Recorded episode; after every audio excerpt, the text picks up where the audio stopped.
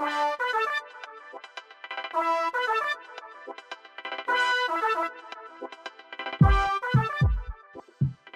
här är MKV-podden med Anna och Staffan. Hur medievetare förklarar världen.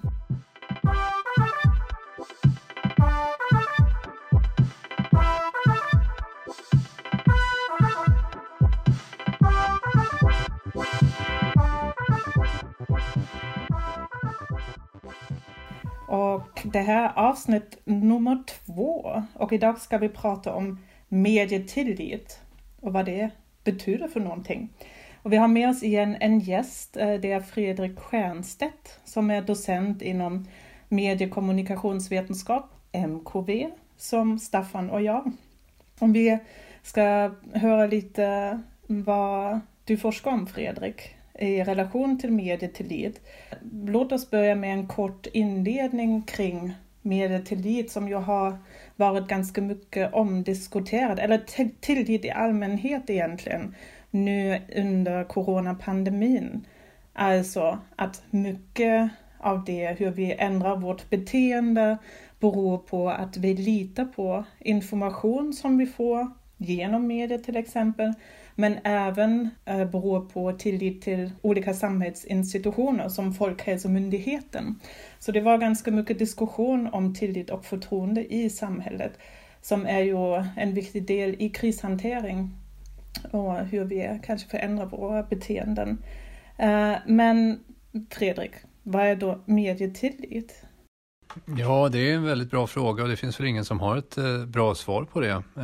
Vilket väl är en av de intressanta saker med begreppet medietillit.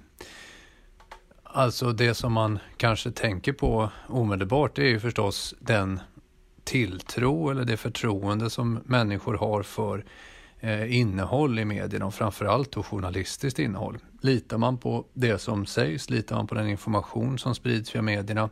Eller gör man inte det?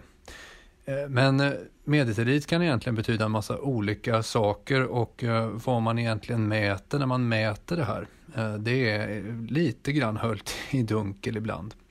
För medietillit kan ju förstås också innebära en någon slags generell tillit till mediesystemet som sådant. Det kan också betyda att man litar på vissa institutioner eller inte andra. Det kan hänga ihop med att man litar på vissa specifika journalister och inte andra, vissa personer i medierna och inte andra.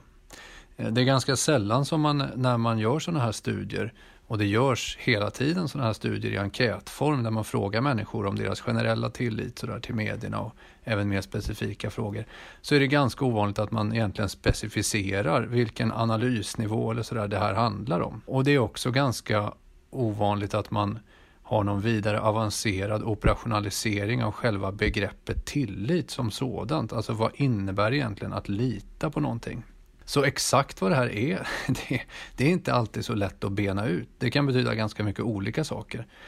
Sen kan man ju också tänka sig att det som man mäter när man mäter tillit, för att komplicera det här ytterligare, är någonting helt annat än tillit till medierna. Alltså man kan ju tänka sig att man mäter en slags allmän eh, misstro eller missnöje med samhällsutvecklingen. Eh, men eh, där man då Eh, indikerar det genom att nej men jag litar inte på medierna, det är en jävla, ett jävla elitprojekt till exempel. Det är bara eliten som får komma till tals där och det är klart att jag tar avstånd från det. Liksom.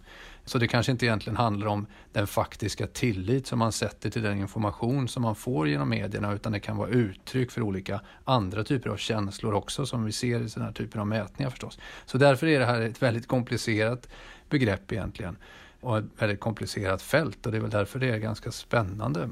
Kan du inte ge ett exempel hur det operationaliseras eh, äh, medietillit eller om man uttrycker det på ett annat sätt, hur frågar man om medietillit vanligtvis? Ja, man frågar på lite olika sätt men eh, den vanligaste frågan är väl egentligen att fråga rakt upp och ner. Eh, I vilken utsträckning har du förtroende för eller litar du på? Och så kan det vara olika medier då, om man specificerar public service till exempel eller medierna Eh, mer allmänt. Sen finns det de som, eh, som Jesper Strömbäck till exempel, en annan medievetare, som har föreslagit att man måste vara tydligare och mer specificera den här typen av enkätfrågor och föreslagit att vi därför måste fråga en sån här enkätkonstruktion alltid måste se ut som att vi måste fråga vilken tillit har du till den information som du får via den här mediet eller så. För att det är det som han menar är det intressanta att undersöka och intressanta att mäta i det här. Och andra specificerar det på andra sätt. Vilken tilltro har du till följande institutioner? En ganska vanlig fråga i de amerikanska mätningarna är att fråga eh, vilken tilltro har du till de etablerade medierna? Vilket man ju då kan fråga sig vad är det? Vad lägger människor in i det? vad tänker de på när de svarar? Och ganska så ofta så förutsätter tror jag många att det här också handlar om journalistik och informationsförmedlande eh, nyheter till exempel eller medier av den slagen. Men frågorna är ofta allmän, mer allmänt ställda och medier är ju mycket mer än journalistik naturligtvis som är bara en eh, genre. Eh, så det är väl, ja, man mäter på lite olika sätt men man har hållit på med det under väldigt många år kan man väl säga eh, och mätt tilliten till medierna genom den här typen av ganska så generella och eh, inte så teoretiskt raffinerade enkätundersökningar. Men vad de har visat över åren är ju att tilliten till medierna ändå är ganska hög. Eh, I Sverige och i Norden. Eh, och tilliten då till public service-medier speciellt är väldigt hög. Och tilliten även till det som vi kanske lite slarvigt ibland kallar för de etablerade traditionella medierna som till exempel Dagens Nyheter eller Svenska Dagbladet eller sådär. Med lång tradition och eh, får man säga en journalistisk ambition, så där, där är tilliten också ganska hög. Och den är ganska så statisk över tid också. Det är inte så stora förändringar eller svängningar man kan se Även om det såklart har varit en slags diskussion i samhället om att medierna, att tilliten till medierna minskar. Och det är sant och framförallt i, utanför Sveriges gränser så minskar den ju en del. Men det är också en sanning med modifikation så att säga. Den minskar från ganska höga nivåer och den minskar inte så hemskt mycket. Det är inga dramatiska förändringar egentligen som man kan se. Mm. Men vad, vad händer under kristider? Ja, det som vi såg är väl att tilliten till medierna var ju ganska, det var ju lite olika mätningar som presenterades i våras då under, om vi tänker på den här specifika krisen, alltså coronasituationen under 2020. Så under våren 2020 så, så presenterades lite olika undersökningar och en del av dem visade på att tilliten till medierna sjönk ganska mycket. De undersökningar som vi gjorde pekade ju egentligen inte på eh, att tilliten till medierna sjönk i någon eh, dramatisk om man jämför med andra tidigare mätningar, utan det var fortsatt höga nivåer av tillit till medierna. Generellt sett vad det gäller tillit inte bara till medierna, om man tänker tillit till andra institutioner i samhället som ju också mäts hela tiden, så brukar man väl säga att den tilliten generellt sett ökar i tider av samhällelig kris.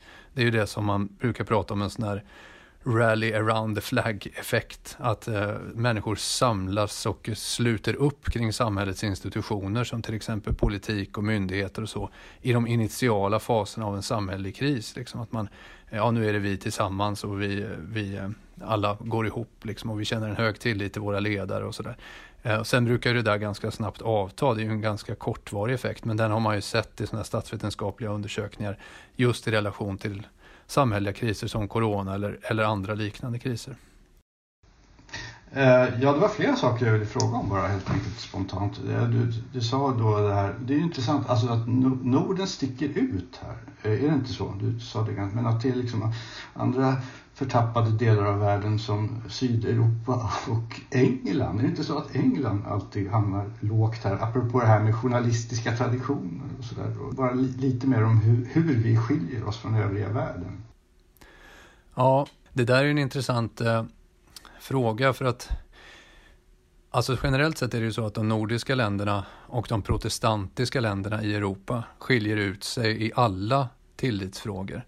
Eh, vi har en högre tillit till myndigheter, till politiker och till våra medmänniskor än vad man har i de allra flesta delar av världen. Och det där har man ju velat förklara på olika sätt. Många har ju pekat på, som till exempel Lars Trädgård och de här, att det finns en sån här lång historia av tillit och av jämlikhet i Norden och de protestantiska länderna. För är det någonting man vet, någonting som man så att säga är ganska ensam i tillitsforskning, så är det att jämlikhet och tillit hänger ihop att ju högre grad av jämlikhet man har i ett samhälle desto högre grad av tillit finns också mellan människor. Och då har ju vissa pekat på att vi har en unikt lång tradition av jämlikhet och frihet i Norden med fria bönder och ganska tidiga experiment med demokratiska styrelseformer så att det där lägger grunden för en lång tillitstradition. Och det är klart att om man, man, accepterar det som att det skulle vara sant, vilket jag är tveksam till, men om man nu gör det, då kan man väl tänka sig att den höga medietilliten också är en effekt av en generellt sett hög tillit i samhället till institutioner, till myndigheter, till politik och till våra medmänniskor som spiller över så att säga även på journalistik och medier. Vi litar även på dem. Och det är klart att man kan se att i länder med stor ojämlikhet så är också tilliten till medier betydligt eh, lägre. Som till exempel Storbritannien som ju är ett väldigt ojämlikt klassamhälle och USA som också präglas av enorm ojämlikhet. Så det är klart att det här är, finns ett sådant samband. Men det som man inte har gjort så mycket i forskningen och som vi ju har velat göra men än så länge inte kommit till skott med är ju att mer systematiskt titta på relationen mellan tillit i olika mediesystem. Alltså att inte ta den här stora frågan om om eh, jämlikhet eller sådär långa historiska, utan titta på specifikt hur har man organiserat sina mediesystem i olika delar av världen? Och finns det några kopplingar, något som tyder på att ett visst typ av mediesystem så att säga fostrar eller skapar en högre grad av tillit? Och man har ju pekat på i sina medie, komparativ medieforskning där man tittar ut över och jämför mediesystem i olika delar av världen så brukar man ju prata om att det nordiska mediesystemet är en speciell form av organisation av medierna med en starkare public service än vad det finns på de allra flesta andra håll, till exempel högre pressstöd, stöd till eh, traditionell journalistik, en längre tradition av tryck och yttrandefrihet. De nordiska länderna kommer alltid eh, på plats 1, 2, 3, 4 och 5 i det här Press Freedom Index till exempel, där man eh, hierarkiserar eller rankar världens länder och så. Och att sådana saker då skulle också skapa en mediemiljö eller samhällelig miljö som, med en ökad grad av tillit till medierna för att medierna fungerar på ett visst sätt. Och det där är ganska få som har tittat på den kopplingen och försökt, då måste man ju också göra en komparativ tillits studie då och sen sätta det i relation till olika mediesystem. Det är inte så många som har gjort. Det man inte heller har gjort i så hög utsträckning i forskningen kring medietillit är att koppla den till faktisk medieanvändning. Alltså spelar det någon roll vilka medier man använder, hur man använder medier och sådär och den tillit man känner till medier. Konstigt nog så har de här sakerna inte kopplats samman så mycket i forskningen utan tillitsfrågan har legat lite som en egen ö. Man har undersökt bara det och skickat ut enkäter till folk och frågat litar du på medierna utan att sätta det så mycket i relation till olika andra saker som till exempel hur mediesystemet ser ut. Eller? Och till exempel, får jag fråga en fråga till då? Eh, partisympatier, frågas det om det eh, i det här undersökningen du pratar om? För där är ju, i USA är ju den där kopplingen enormt stark, eh, också vad gäller corona och sådär. Ja, och det är ju det som man har sett i, i Sverige och när man pratar om att tilliten till medierna här sjunker någon, lite grann så är det ju så att den sjunker inte generellt utan det sker en ökad polarisering i tillit. Eh, där partisympatier är en av de saker, egentligen kanske den starkast förklarande faktorn till bristande eller sjunkande eller låg tillit till medierna.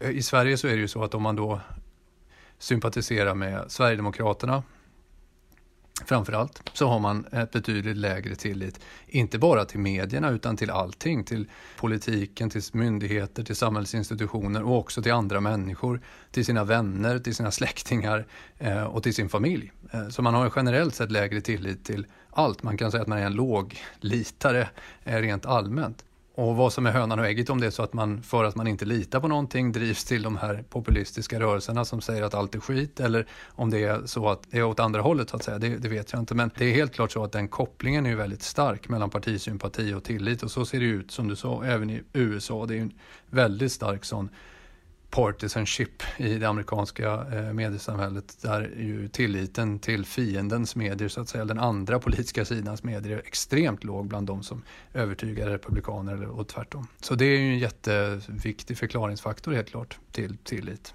Mm. Det är forskningsprojektet eh, Medietillit, information Uh, under pandemin, där har vi ju samlat in ganska stora enkätdata och en sak som var ju lite intressant att se där var att man kan förklara varierande, varierande medietillit bara för vissa länder genom eh, ekonomisk bakgrund till exempel och utbildning. Um, och, och, det är ju också därför det vore viktigt, eller hur, att gå vidare med som att uh, bädda in medietillitsfrågan i lite större frågor kring mediesystem men också olika mediekulturer på något sätt. Så att det, att det finns vissa länder där den ekonomiska bakgrunden, klasstillhörighet kan förklara att det finns olika Eh, utpräglad medietillit. Men i, i länder som i Sverige så hjälper inte den variabeln till att förklara att man litar, litar till olika grader till eh, medierna, till etablerade medier och så vidare. Utöver det, eh, alltså metodologiska frågor, hur frågar man om medietillit och att det kanske borde bäddas in i lite större frågor kring mediesystem. Vad är det mer vi behöver veta om medietillit? Men jag tänker också att eh, ett problem med den här typen av undersökningar som jag börjar lite med att säga det är ju att man inte så ofta funderar på vad tillit egentligen är för någonting. Och vad, det, vad betyder det för människor att säga att de litar på någonting? Vad betyder det att lita på någonting? Jag tror att man måste lämna lite grann den här eh, surveybaserade enkätforskningen på det här området och istället kanske vara lite mer, det är också en metodologisk poäng här då, men att vara lite mer kvalitativt orienterad. Att faktiskt göra intervjuer med människor, prata med människor på ett annat sätt och försöka förstå vad det är de egentligen menar när de säger att de litar eller inte litar på någonting. Och hur alla de här olika dimensionerna av att lita på enskilda texter, på enskilda journalister, på systemet som helhet eh, eller så, eh, hur de hänger ihop och är inflätade i varandra på något sätt som man bara egentligen kan komma åt genom en annan metod än att ställa en sån här enkätfråga till människor tror jag. Alltså för, för det är klart att en uppenbar sak är ju att att det finns en ganska gott skäl att inte lita på allt som står i tidningen till exempel, eller som vi ser på TV. Det verkar ju väldigt konstigt att lita på allt det, eh, att ha, ha en väldigt hög tilltro till det. Då skulle man ju tycka att det var ett stort samhälleligt problem om människor i allmänhet trodde att allt som de hörde var sant. Men däremot så kan man väl säga att det, det vore ju olyckligt för det demokratiska samhället om man inte har någon tillit till själva institutionen, själva idén om att det ändå går att eh, eh, förmedla information korrekt, att systemet det, liksom mediesystemet försöker ändå på något sätt förmedla information. De berättar inte bara lögner och sagor för oss. De försöker, ibland blir det fel, vi kan inte lita på allting. Det är lite om olika saker, eller hur? Om man litar på systemet som helhet och tror att det ändå försöker ge oss information eller om man inte litar på det alls. Eller om man bara då har en kritisk inställning till vissa texter. Och det är ju, tror jag, ett, ett grundproblem i väldigt mycket av den här forskningen att man, den är ganska normativ och går in med en slags förförståelse om att tillit alltid är bra. Tillit är alltid positivt, det bygger upp samhället, det liksom, eh, skapar demokratiska institutioner, det är ett gott värde. Medan misstro är ett, liksom, en anomali i, eh, eh, som man bör försöka undvika. Eh, och, och det kommer ju också ur de här gamla sociologiska perspektiven på tillitens funktion i samhället mer generellt. Vi kommer ju att komma in på det när vi pratar om Lomans bok om en liten stund.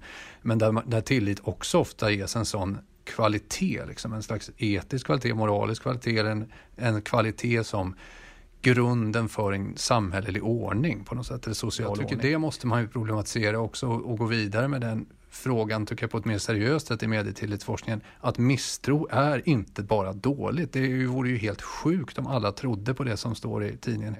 Eller hur? Och, och, samtidigt finns det ju en annan sak där Sverige sticker ut i, i vår studie i alla fall, i vår stora enkätstudie, är ju när det gäller tillit till information som delas på sociala medier.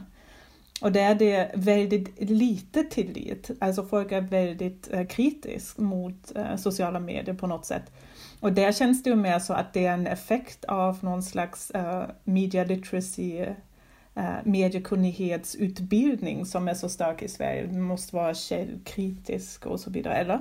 Alltså där, där det på något sätt uppfattas som bra att ha misstro för sociala medier. Ja.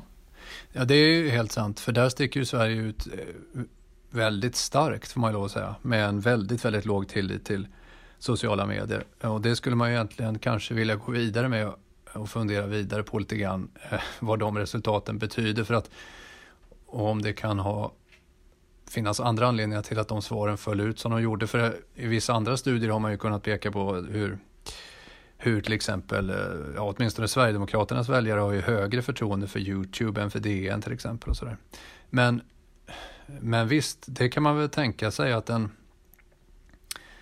det finns en sån ganska stark diskurs både i mainstream-medierna men kanske även i eh, skolväsendet, i hela liksom medie och informationskunnigheten att man ska vara försiktig framförallt med eh, innehållet på sociala medier och sådär.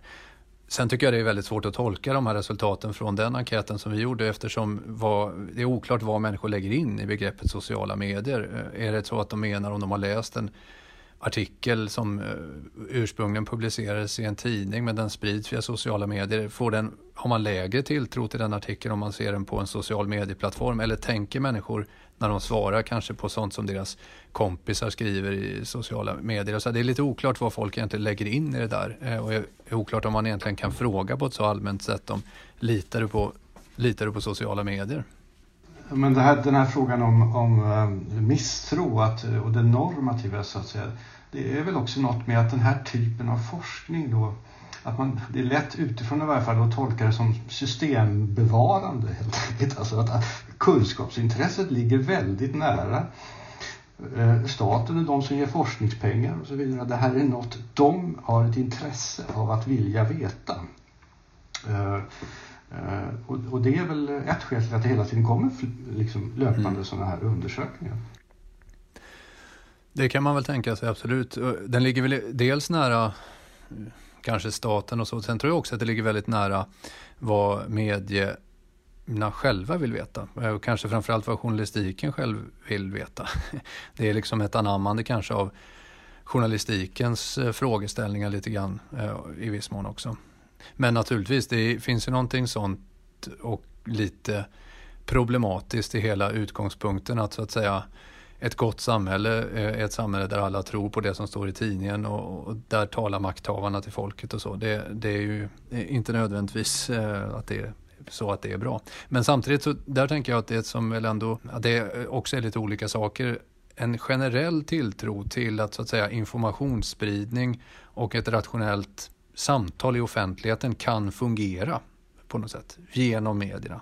Det är en förutsättning för en demokrati. Utan det så är det svårt att tänka sig en demokratisk samhälle överhuvudtaget. Så om misstron riktas mot eh, själva institutionen som helhet, eller så man ska säga. Att det är en sån här epistemisk kris som man har pratat om. Att liksom det finns ingen, vi, vi kan inte längre komma överens om hur, hur, vi ens ska sprida information, hur vi ska försöka föra ett sånt här samtal eller så. Liksom. Då, då kan jag köpa att låg tillit också är skadligt för samhället. Men om man däremot tänker sig att hög tillit eller låg tillit i form av att man är kritiskt inställd till enskilt innehåll eller till enskilda journalister eller till sådär, då tycker jag snarare att det är ett tecken på att, det, att det, det, det är ett ganska sunt, sund offentlighet där, man kan, där människor har det. Eh, det vore olyckligt tror jag om alla gick runt och hade sådär blint tillit till Peter Wolodarski. Ja, nej men annars så har vi en liten avslutning, Fredrik som eh, du inspirerade oss till. Men vi eh, tänkte höra om du skulle välja en låt som beskriver medietillit. Vilken låt skulle det vara? En låt om medietillit? Nej du, det var jävla vad svårt. Nej, jag, jag, har ingen låt. Jag läste precis en, eh, en, men det är ingen låt. Det är ju en dikt, men ni kan tonsätta den då kanske och sjunga den av han eh, Aspenström. Han läste en nyårsdikt i radio 1970. Det jag beundrar hos dig är villigheten att leva söndrad utan ens ett löfte om att solen ska gå till sitt arbete nästa morgon. Det måste alltså finnas en obeaktad kraft inom dig ett hemligt argument, en sändare och mottagare som är bättre underrättad om livets mening och världens möjligheter än du själv som där en av stroferna i den där dikten går något sånt där att eh, det jag beundrar med dig är att du går upp varje morgon trots att du inte ens vet om solen ska gå till sitt arbete. Vilket ju är, det tänker jag är den här grundläggande tilliten till världen och till eh, institutioner och så måste man, är någonting, en förutsättning för ett socialt sammanhang, ett liv överhuvudtaget kanske. Okej, okay, och då är vi i den populära delen Vi läser. Och vi har med oss fortfarande Fredrik Stiernstedt och nu har vi också en till gäst, Heike Graf, som är professor i eh, MKV på Södertörn också. Hej! Hej! Och vi ska prata om kanske en favoritbok till Heike. Och en ny favorit, kanske, till Fredrik. Jag vet inte. I alla fall en klassisk text som tar upp eh, förtroende av um, Niklas Loman. Men eh, ska vi kanske börja med själva boken då? Vad är det för bok, Fredrik? Vad handlar den om? Ja, ja den handlar ju väldigt mycket om det som eh, den heter på svenska, i svensk översättning. Förtroende, en mekanism för reduktion av social komplexitet. Eh, och eh, det här är ju inte någon eh, ny fråga när Loman tar sig an den här. Liksom 1968 kommer den här boken, men frågan om eh, tilliten eller förtroendets roll för den sociala ordningen, för samhället som sådant så att säga. Den är ju urgammal och en av de första frågorna så att säga i sociologin från 1800-talet och dessförinnan också. Eh, och han tar sig väl an den här frågan på ett lite nytt sätt kan man väl säga eh, genom sin funktionalistiska eller strukturfunktionalistiska eller vad man nu ska kalla det för eh, eller ekvivalensfunktionalistiska som det kallas i efterordet på det svenska efterordet eh, perspektiv på eh, tillit. Och det är ju en väldigt intressant bok på många sätt. Jag tyckte om att läsa den även om, alltså när man läser Loman får man ju vara beredd på att det inte är någon skrattfest precis utan det är ganska torrt skrivet får man väl lov säga. Man får kämpa en del för att ta sig igenom den här ganska tunna boken eh, som ju då sägs vara en av hans mest tillgängliga men som ändå är lite en eh, uppförsbacke får man lov säga för den som är intresserad. Eh, men hans utgångspunkt är ju att, att, eh, och det måste man ju köpa den premissen då, att reduktionen av komplexitet är det absolut viktigaste, eh, den viktigaste mekanismen så att säga för att hålla ihop samhället på något sätt. För att skapa de här systemen som avgränsar sig gentemot Eh, den stora kaotiska världen. Eh, och köper man inte den premissen, ja då blir ju boken förstås eh, ganska underlig. Men man måste gå, in med, med, den, med den premissen som Loman har. Och då menar han ju att förtroende är en mekanism för att reducera den här komplexiteten. Men det intressanta, det som jag tycker är det mest spännande med boken, är att han ju också säger att misstro är det.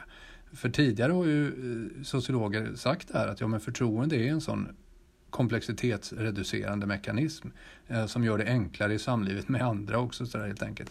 Eh, och som får oss att, eh, så att säga, gå upp på morgonen och skapa ett samhälle.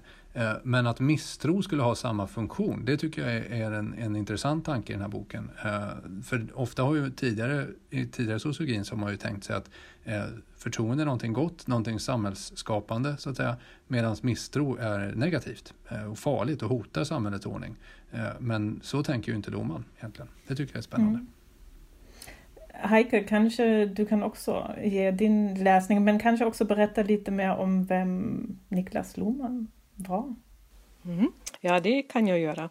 Alltså, Niklas Luhmann eh, var en tysk sociolog och han dog 1998 eh, så han blev bara 71 år gammal. Eh, men han var mycket produktiv, har skrivit 60 böcker och kanske över 350 uppsatser och så.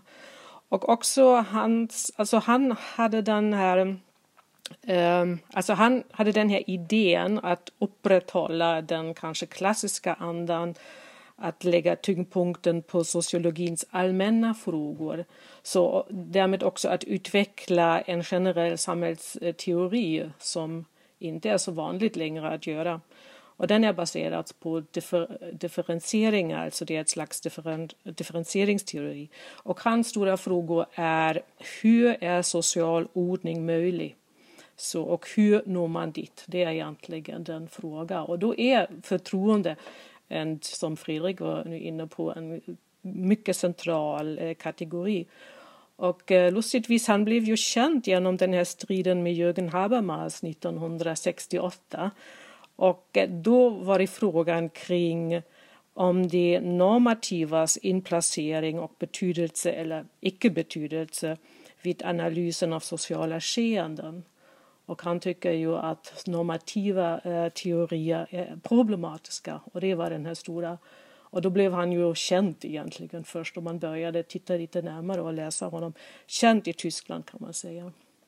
Den här, får jag skjuta in en fråga då till er? Eh, den här reduktionen av komplexitet som du först talade om, Fredrik, den är väl också historiskt bestämd liksom, i, i Lomans värld. Alltså att eh, vi lever i en värld helt enkelt där den här komplexiteten existerar eh, på ett sätt som den kanske inte gjorde tidigare. Och på det sättet så luktar det ju lite Habermas idé om modernitet och så vidare. Att en gång i tiden fanns det traditioner och auktoriteter och, och täta liksom gemenskaper och sådär. Och där hade inte den här frågan om förtroende samma brännande innebörd som den har för oss i, i en modern värld. Alltså, stämmer det? Eller? Det stämmer absolut. Eh, men nu har vi ingen auktoritet längre. Vi har inte något centrum som bestämmer hur vi ska tänka, vad vi ska göra. Det kan varken politik eller ekonomin kyrkan eller något sånt, det har vi inte längre. Så, och nu har vi också en uppsjö av olika informationskällor. Vad ska vi tro på? Och vi har den här kontingenserfarenheten att allt kan också vara annorlunda. Vi kan se det också med ett annat perspektiv. Och, och förtroende är en sån kategori att vi bestämmer över framtiden. Genom att lita på någonting lämnar vi ut oss och, hopp, och, och, och antar att vi blir inte så, sårbar genom det, att det går bra på något sätt. Så vi, vi, vi behöver förtroende för att fatta beslut och gå vidare eftersom vi vet inte hur framtiden ser ut. Vi vet inte hur den den är så oviss. Alltså den är erfarenheten att så mycket är ovisst också. Så därför behöver vi någon mekanism för att reducera den här ovissheten och det är förtroende. Och jag tror det blir allt, den får en allt större funktion egentligen i den här moderna tiden också. Ja, jag instämmer ju. Det är ju så man kan läsa boken absolut. Eftersom, alltså det här med ekvivalensfunktionalism, det är ju liksom att sociala mekanismer kan ha samma funktioner och då kan de, är de i sig utbytbara oavsett om de är egentligen helt olika fenomen på något sätt. Och en annan ekvivalent till förtroende i Lohmans eh, begreppsvärld är ju förtrogenhet. Så det är klart att lever man i ett litet och mindre komplicerat samhälle, ja då har man en förtrogenhet, direkt förtrogenhet, direkt erfarenhet av det sammanhang där man befinner sig. Men ju större och mer komplex, komplicerat samhället, det moderna samhället blir, desto mindre direkt förtrogenhet har vi och då måste det ersättas med förtroende. Eh, så det är klart att det finns en sån modernitets... Eh, men, men samtidigt så säger han ju också, vilket ju pekar mot, mot en annan tolkning, eh, att det som i grund och botten gör att vi behöver förtroende är att vi inte är andra, det finns andra människor i världen. Eh, och de andra människorna, alltså den här mänskligheten, att de är subjekt, att de är oberäkneliga, eh, gör att vi behöver ha förtroende. Så det är klart att förtroende är en central social mekanism även i förmoderna samhällen, i alla samhällen. Alltså han är ute efter en universell princip som jag uppfattar det så, såklart. Men den kan ju ha blivit viktigare i ett storskaligt modernt samhälle. Mm. Eller också eh, misstro. Det kan ju också vara ja. viktigt att vi inte litar på dem. En annan sån här förutsättning som jag var lite impad av i läsningen eh, nu då, eh, det var den här eh, tidsresonemanget i kap kapitel 2. Alltså. Eh, för, eller, för, först tänkte jag, aj, nu kommer det sån här makroteori, sociologer skriver makroteori tillbaka till antiken. Men, men det var en ganska enkel idé, liksom, att det finns två olika typer av nu. Ett som är händelser på en kedja och sen eh, kontinuitet då. Och, och sen så det andra som är tillstånd, varaktighet. Och egentligen så hamnar liksom det här problemet med förtroende mitt emellan då. För man kan bara hysa förtroende och dela ut förtroende i det här tillståndet av varaktighet. För vi vet ingenting om, om framtiden och vi vet för lite. Och samtidigt så måste vi liksom då göra den här kalkylen, liksom, vad ska ske? Och det förklarar ganska bra tycker jag den här varför vi behöver reducera komplexitet. Alltså, att vi befinner oss i den här tids, eh, tidsdilemmat då, som också väl nästan är kanske lite mer universellt då, eller, eller återkommande. Då. Ja, Ja, vi kan ju bara hysa förtroendet i nuet.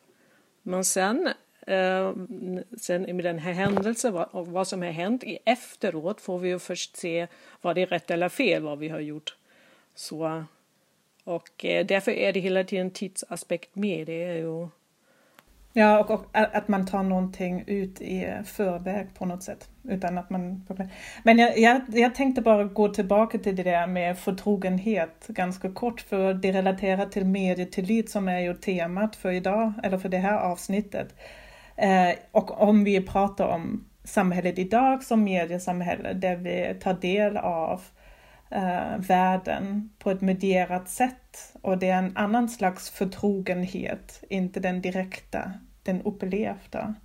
Um, krävs det då också en annan, alltså det med medietillit, krävs det en annan slags tillit när det är eh, medierade, medierad information som vi, och erfarenhet som vi tar del av? Ja, det är klart att det är ju en liknande princip antar jag att vi kan ju aldrig som mediekonsumenter veta om det som står där är sant, om det var så det hände. Vi kan inte kontrollera det själva, men vi kan inte få en direkt förtrogenhet av de händelser som reproduceras i medierna. Och det är klart att vi må, då måste sätta vår tillit till det här systemet, att det, ja, de har försökt berätta som det är, eller den här texten stämmer, eller den här källorna har berättat sanningen, eller bilden är inte manipulerad, eller vad det nu är vi litar på. Ehm, och precis som, som Loman skriver så antar jag att man bygger mycket av den här tilliten på just att man övertrasserar information från det förgångna och liksom extrapolerar den in i framtiden. Då att ja, det har ju tidigare visat sig vara hyfsat korrekt eh, och därmed så, så kan vi nu lita på det här. Eh, så det är väl en liknande logik, men jag vet inte om det är annorlunda i ett eh, mediesamhälle än ett samhälle utan medier egentligen. Bara kanske i det sammanhanget att du har nya medieplattformar, du har kanske ingen erfarenhet med dem. Och sen har du kanske hört från någon som du litar på, men det är intressant och den, de, de ger sann information eller något sånt. Och då, alltså du har Eh, du har ju mycket, mycket mer källor i så fall och kanske plötsligt märker du de du har litat på tidigare på de här traditionella men egentligen gör jag inte längre det. Så jag tror förmodligen kan det hända att hållbarheten är mycket kortare också på förtroende. Nu är det här ganska snabba och den här kontingenserfarenhet kan också vara annorlunda. Så att det måste säkras på nytt hela tiden. Och det blir en ganska stor alltså, uppgift eller också för, för de här traditionella mediehusen. Så att de vet. Ja, för då kan ju istället misstro vara en mer effektiv väg. Om man tänker sig att det ständigt växer fram nya plattformar, mediesamhället blir mer komplicerat, ja men då jag litar inte på något. Jag, jag, jag, tar avstånd från allt det här, kan ju vara en mer rationell, eh, rationellt sätt att reducera komplexitet och egentligen i förhållande till Ja, det kan man göra, men sen gör det också svårt för dig om du vill veta vad ska jag nu lita på, vilken information jag, jag behöver nu egentligen här i den här pandemin. Vad ska jag göra nu? Då behöver du ju information du kan lita på. Och jag tror, och misstro allt, jag tror då går du inte ut ur huset, går du inte upp ur sängen längre faktiskt. Jag tror det inte att det funkar så bra för den enskilde, för individen tror jag. Nej, och det tycker jag är lite spännande. Jag, jag, kan inte se, jag vet inte om ni andra har sett det, att Loman ger något riktigt bra svar på det. För att tillit och misstro är ju förstås båda mekanismer för att reducera komplexitet. Och så säger han ju i slutet av boken att ja, för mycket tillit det har ju socialt negativa konsekvenser. Och, men för lite tillit, för mycket misstro har ju också det. Men hur hur reglerar vi då detta? Vad är det för mekanism? Hur hittar vi en mekanism jo, för att liksom... Alltså jag tyckte jag uppfattade ett svar, men det, det, jag hade också liksom kämpigt med läsningen för att ibland låter det lite som, som en sån här självhjälpsbok. jag ska gå upp på morgonen, hur ska jag lita på andra människor? Hur ska de lita på mig? Och, och sådär. Eh, väldigt konkreta saker som var intressanta. Men så fanns det någon slags underliggande svar som jag tolka som cybernetik, alltså, mer eller mindre. Alltså, du, du, eh, det är, vi ska anpassa våra egna system till omvärldens system. Det är ett anpassningsprocess. Och då ska vi ta bort brus, liksom, som cybernetiken säger, det här komplexitet. Och vi ska använda feedbackmekanismer. Men, men det, var ingen, det är ingen som har sagt av er som sagt ordet cybernetik, men alltså, det, det är som en maskin eh, eh, som, som han verkar eller ett sätt, för en, ett sätt som en maskin fungerar. Ja, men det, det, det tycker jag man slås av väldigt starkt. Alltså jag vet inte hur, det vet säkert Heike, hur, hur faktiskt inspirerad han var av cybernetiken, men jag tycker att man känner en sån tendens Det är ju mycket det det handlar om, olika liksom, ja men just att reducera brus och entropi då som är det hotande hela tiden som man ska på något sätt eh, skapa de här systemen för att motverka entropin och så vidare. Och, men, och att det just är väldigt tydligt Ja, men jag, jag, skrev ju det till er innan vi hade det, det här samtalet att jag uppfattar det lite som att han ser, han utgår från den frågan, vad händer om vi tänker att samhället är en maskin? Ja, då händer det här. Då ser det ut så här. Ja, ja. När jag läser det lite annorlunda, alltså det, han, han var påverkad av cybernetiken, det stämmer, men det är mer tanken av selektion.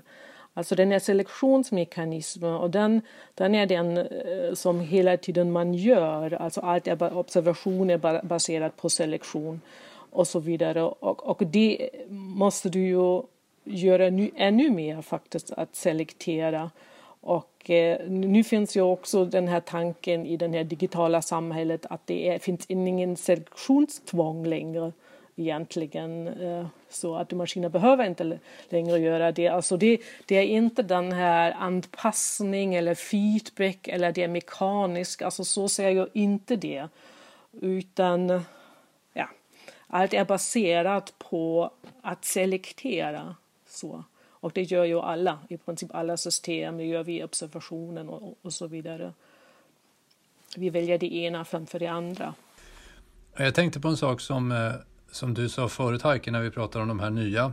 För det är en annan sak, ett lite annat spår i den här boken som jag tyckte var bra också. Som du sa att när vi, nu är det så mycket nya medier eh, så, eh, så kanske man får prata med någon kompis och jag, som säger att ja, det här, jag litar på de här och så li, väljer man då också lite. Men det lyfter han ju också fram, tycker jag är ett bra tanke, den här liksom förtroende för förtroende. Den här liksom meta eller reflexiva processen, att det är, väl, det är egentligen det som är basen för den sociala ordningen på något sätt. Inte att vi nödvändigtvis bara litar själva utan att vi också litar på att andra litar och därför så upprätthåller vi liksom system, därför fungerar det så att säga. Vi tror att andra också kommer agera utifrån att de litar på samhällets institutioner eller vad det nu kan vara för någonting. Eh, och liksom att man har förtroende för förtroende. Det tycker jag är en, en bra eh, observation. Liksom. Ja, vi är ju sociala varelser, så därför behöver vi också förtroende. Annars är vi alinjerade utanför.